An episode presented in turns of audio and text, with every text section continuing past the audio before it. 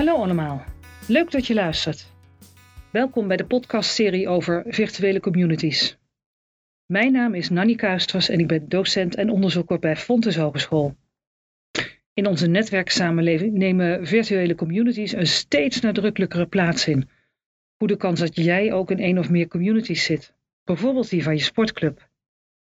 Over ons recent onderzoek naar virtuele communities ga ik het hebben in deze serie. En in deze aflevering staat het virtuele clubhuis centraal. Sport jij bij een sportclub?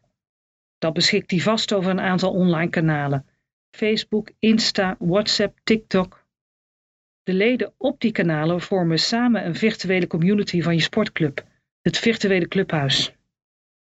We staan stil bij wat dat is, dat virtuele clubhuis, en hoe je binnen die sportclub zo'n virtueel clubhuis kan ontwikkelen.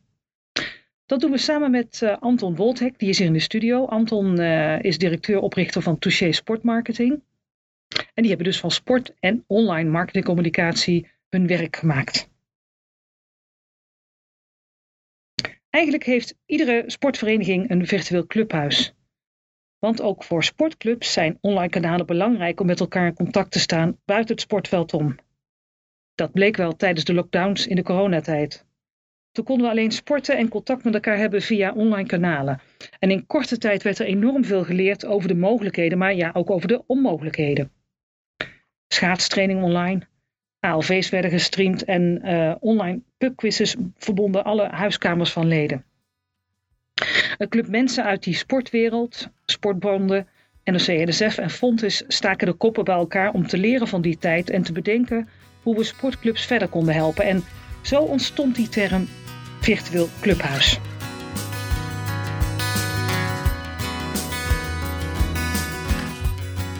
Touché Sportmarketing was hierbij betrokken.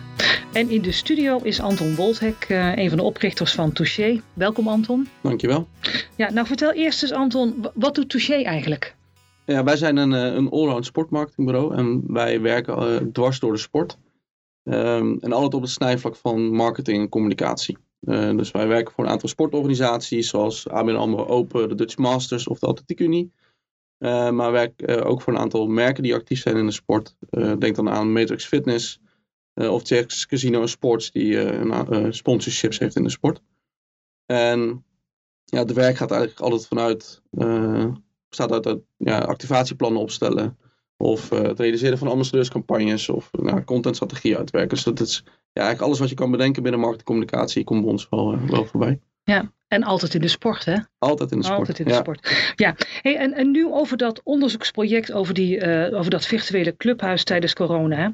Uh, bij sommige clubs uh, zagen we dat die online kanalen prima op orde waren, maar bij andere verenigingen liep dat eigenlijk niet zo vanzelf. Wat, wat viel jullie eigenlijk op tijdens corona? Ja, ik denk dat je het wel uh, goed zegt. Hè, dat het bij sommige clubs uh, prima in orde was. En bij andere verenigingen misschien dat, dat daar wel hulp bij geboden is. dat, dat hebben we ook gezien. dat verenigingen, ja, sommige verenigingen pakken dat echt heel professioneel aan. met communicatieplannen. En andere verenigingen hebben de online kanalen wel. Maar sturen dat, gebruiken dat eigenlijk vooral voor het zenden van, van nieuws vooral. Um, en, en ja, daar, daar bewust van zijn dat ze de kanalen ook ergens anders voor, voor in kunnen zetten, dat, uh, dat is belangrijk. Ja, ja, het bewust worden eigenlijk dat ze ook voor interactie kunnen inzetten. Ja. Hè? Dat, uh, ja, dat, uh, dat is wat we, we, zeker ook zaken doen. Hè? En, en als we nou even teruggaan naar dat virtuele clubhuis. Hè? Wat vinden jullie nou eigenlijk dat de, de kenmerken zijn van uh, een virtueel clubhuis? Um, ja, ik, ik, probeer het zelf altijd te, te, te vertalen naar, naar een offline clubhuis. Um, en wat je daar ook ziet, hè, dat het een plek is voor mensen om, om elkaar te ontmoeten. Waar ze het laatste nieuws kunnen horen, of waar ze ook onderdeel van ergens van kunnen zijn. Uh, dat wil je eigenlijk ook online realiseren.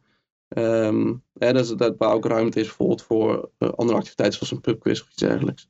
Dus eigenlijk, uh, ik zeg altijd, visualiseer een clubhuis offline en probeer te kijken of je dat online kan realiseren en daar de online kanalen voor te, voor te gebruiken. En, en de nieuwe ontwikkelingen natuurlijk in de metaverse of Web3 die heel erg hard gaan, die die gaan daar zeker aan bijdragen. Dus wie weet dat op een gegeven moment virtueel echt wel clubhuizen gaan, uh, gaan ontstaan. Ja, ja, ja, dat zijn natuurlijk interessante ontwikkelingen hè, dat, uh, met dat Web 3. Hè, dat, ja, uh, ja. ja. Hey, en, en op basis van dat onderzoek hè, hebben jullie een programma ontwikkeld waarmee je eigenlijk binnen een, een sportclub een virtueel clubhuis kan gaan bouwen. Wat moet ik me daarbij voorstellen? Hè? Dat, als ik in de, de sport zie, en dan zeggen we graag winnaars hebben een plan. Hè. Wil juist uitleggen hoe je dan zo'n plan kan, kan samenstellen? Ja, Um, ja, het is, het is een programma. Het is, ja, het is eigenlijk meer een proces voor, voor verenigingen wat ze kunnen doorlopen. Um, uh, een aantal sessies uh, werken we samen met de vereniging waar we ze meenemen uh, door een aantal stappen. Um, en het is vooral zo om ze bewust te maken van, van een aantal facetten. een van de eerste stappen is dat we heel erg met hen na gaan denken: oké, wie, welke personen wil ik nou eigenlijk online aanspreken en welke spreek ik op dit moment al aan? En, uh, en, welke kanalen kan ik ook inzetten om bepaalde doelgroepen, doelgroepen te bereiken en te betrekken. Um, en ook ja, het inzichtelijk maken van wensen en behoeften van die doelgroep. Dus dat, dat is, ja, we gaan echt samen met de vereniging kijken uh, ja, wie ze willen aanspreken en op welk kanaal het moet. En, en wat willen ze dan ook uitstralen. Dus hun online identiteit is ook heel erg belangrijk. Waarbij uh, het ook heel goed is om als startpunt positionering te pakken. Mm Oké, dus die, die, uh, eigenlijk het maken van een, uh, het samenstellen van een online uh, identiteit is dan belangrijk. Hè? En, maar ja, weet je, als je daarmee aan de gang wil, hè, wat, wat zijn dan de eerste dingen die een club kan doen om uit die startblokken te komen? Ja, ik denk dat de eerste stap zeker de positionering is. Um, dat is eigenlijk een startpunt voor alles binnen een, een vereniging. Hè? Dus ook als je breder kijkt dan bijvoorbeeld naar, naar merken of uh, bonden of eigenlijk voor iedereen geldt. Positionering is eigenlijk je startpunt. Uh, dus zeker ook voor marketing en communicatie zo. Um, en ten tweede uh, is het heel belangrijk om, om twee doelgroepen aan tafel te krijgen. we hebben het over het digitale aspect. Nou, dan, dan heb je het al snel over de digital immigrants en de digital natives. vrij vertaald zijn dat eigenlijk de, de personen die zijn opgego opgegroeid met, met die digitale aspecten. Dus eigenlijk niet beter weten dat het digitaal, een digitale tijdperk er is. Dat, dat zijn de digital natives. Die zien geen verschil tussen online en offline. En andere groep is de digital immigrants. En dat zijn mensen die hebben leren omgaan met de digitale middelen. En, en die twee groepen aan tafel krijgen is eigenlijk het belangrijkste. Ja, dus die digital natives en die digital uh, immigrants. Maar ja, dan, dan hoor ik uh, luisteraars al denken, ook, ook dat nog hè, binnen die sportclub. We hebben al zoveel moeite om vrijwilligers te krijgen. Hoe zien jullie dat? ik zie het juist denk ik als een kans. Um, ja, we leven in een digitaal tijdperk, dus het is heel belangrijk om hier stappen in te zetten. En, en, de, ervaring die we hebben vanuit de, de die we hebben gedaan, um, ja, is het heel erg belangrijk om die, die jongeren te betrekken. En dit is een manier om dat te doen. Uh, ze kunnen een rol krijgen in, in dit proces. Uh, ze kunnen, kunnen meedenken en ja, het liefst zelfs nog dat ze bepaalde dingen uit handen gaan nemen.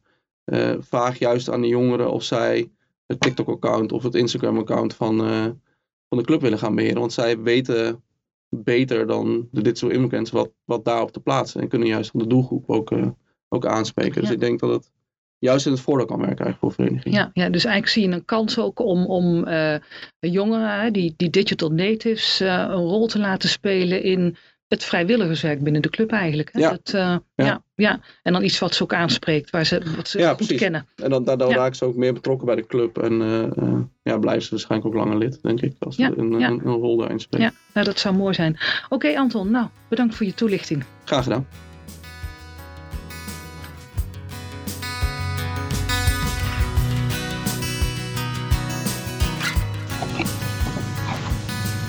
Ook het onderzoek blijkt dat als mensen elkaar vertellen dat iets leuk of nuttig is, ze dat ook makkelijker zullen doen. Dus vanuit die optiek kan het virtuele clubhuis juist een rol spelen in die vrijwilligerswerving. Dat benadrukte Anton Woltek net ook al. En wij gaf aan dat je als club goed met elkaar moet bespreken wat je nou met het virtuele clubhuis wil. En ook dat als je een plan maakt uh, om dat te realiseren, dat ook kan helpen. Want leden maken de club en dat geldt ook voor het virtuele clubhuis.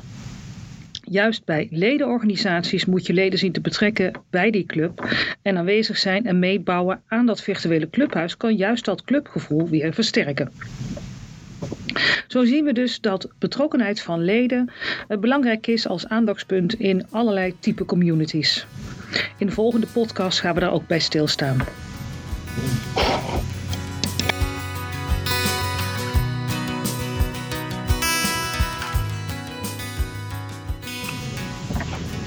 Zo, dat was hij weer. De podcast over het virtuele clubhuis. In de serie uh, over virtuele communities staan we ook stil bij merkcommunities van bekende producenten, fancommunities en co-creatie van leden. Wil je de andere podcasts horen? Houd dan de kanalen van Fontes Hogeschool in de gaten.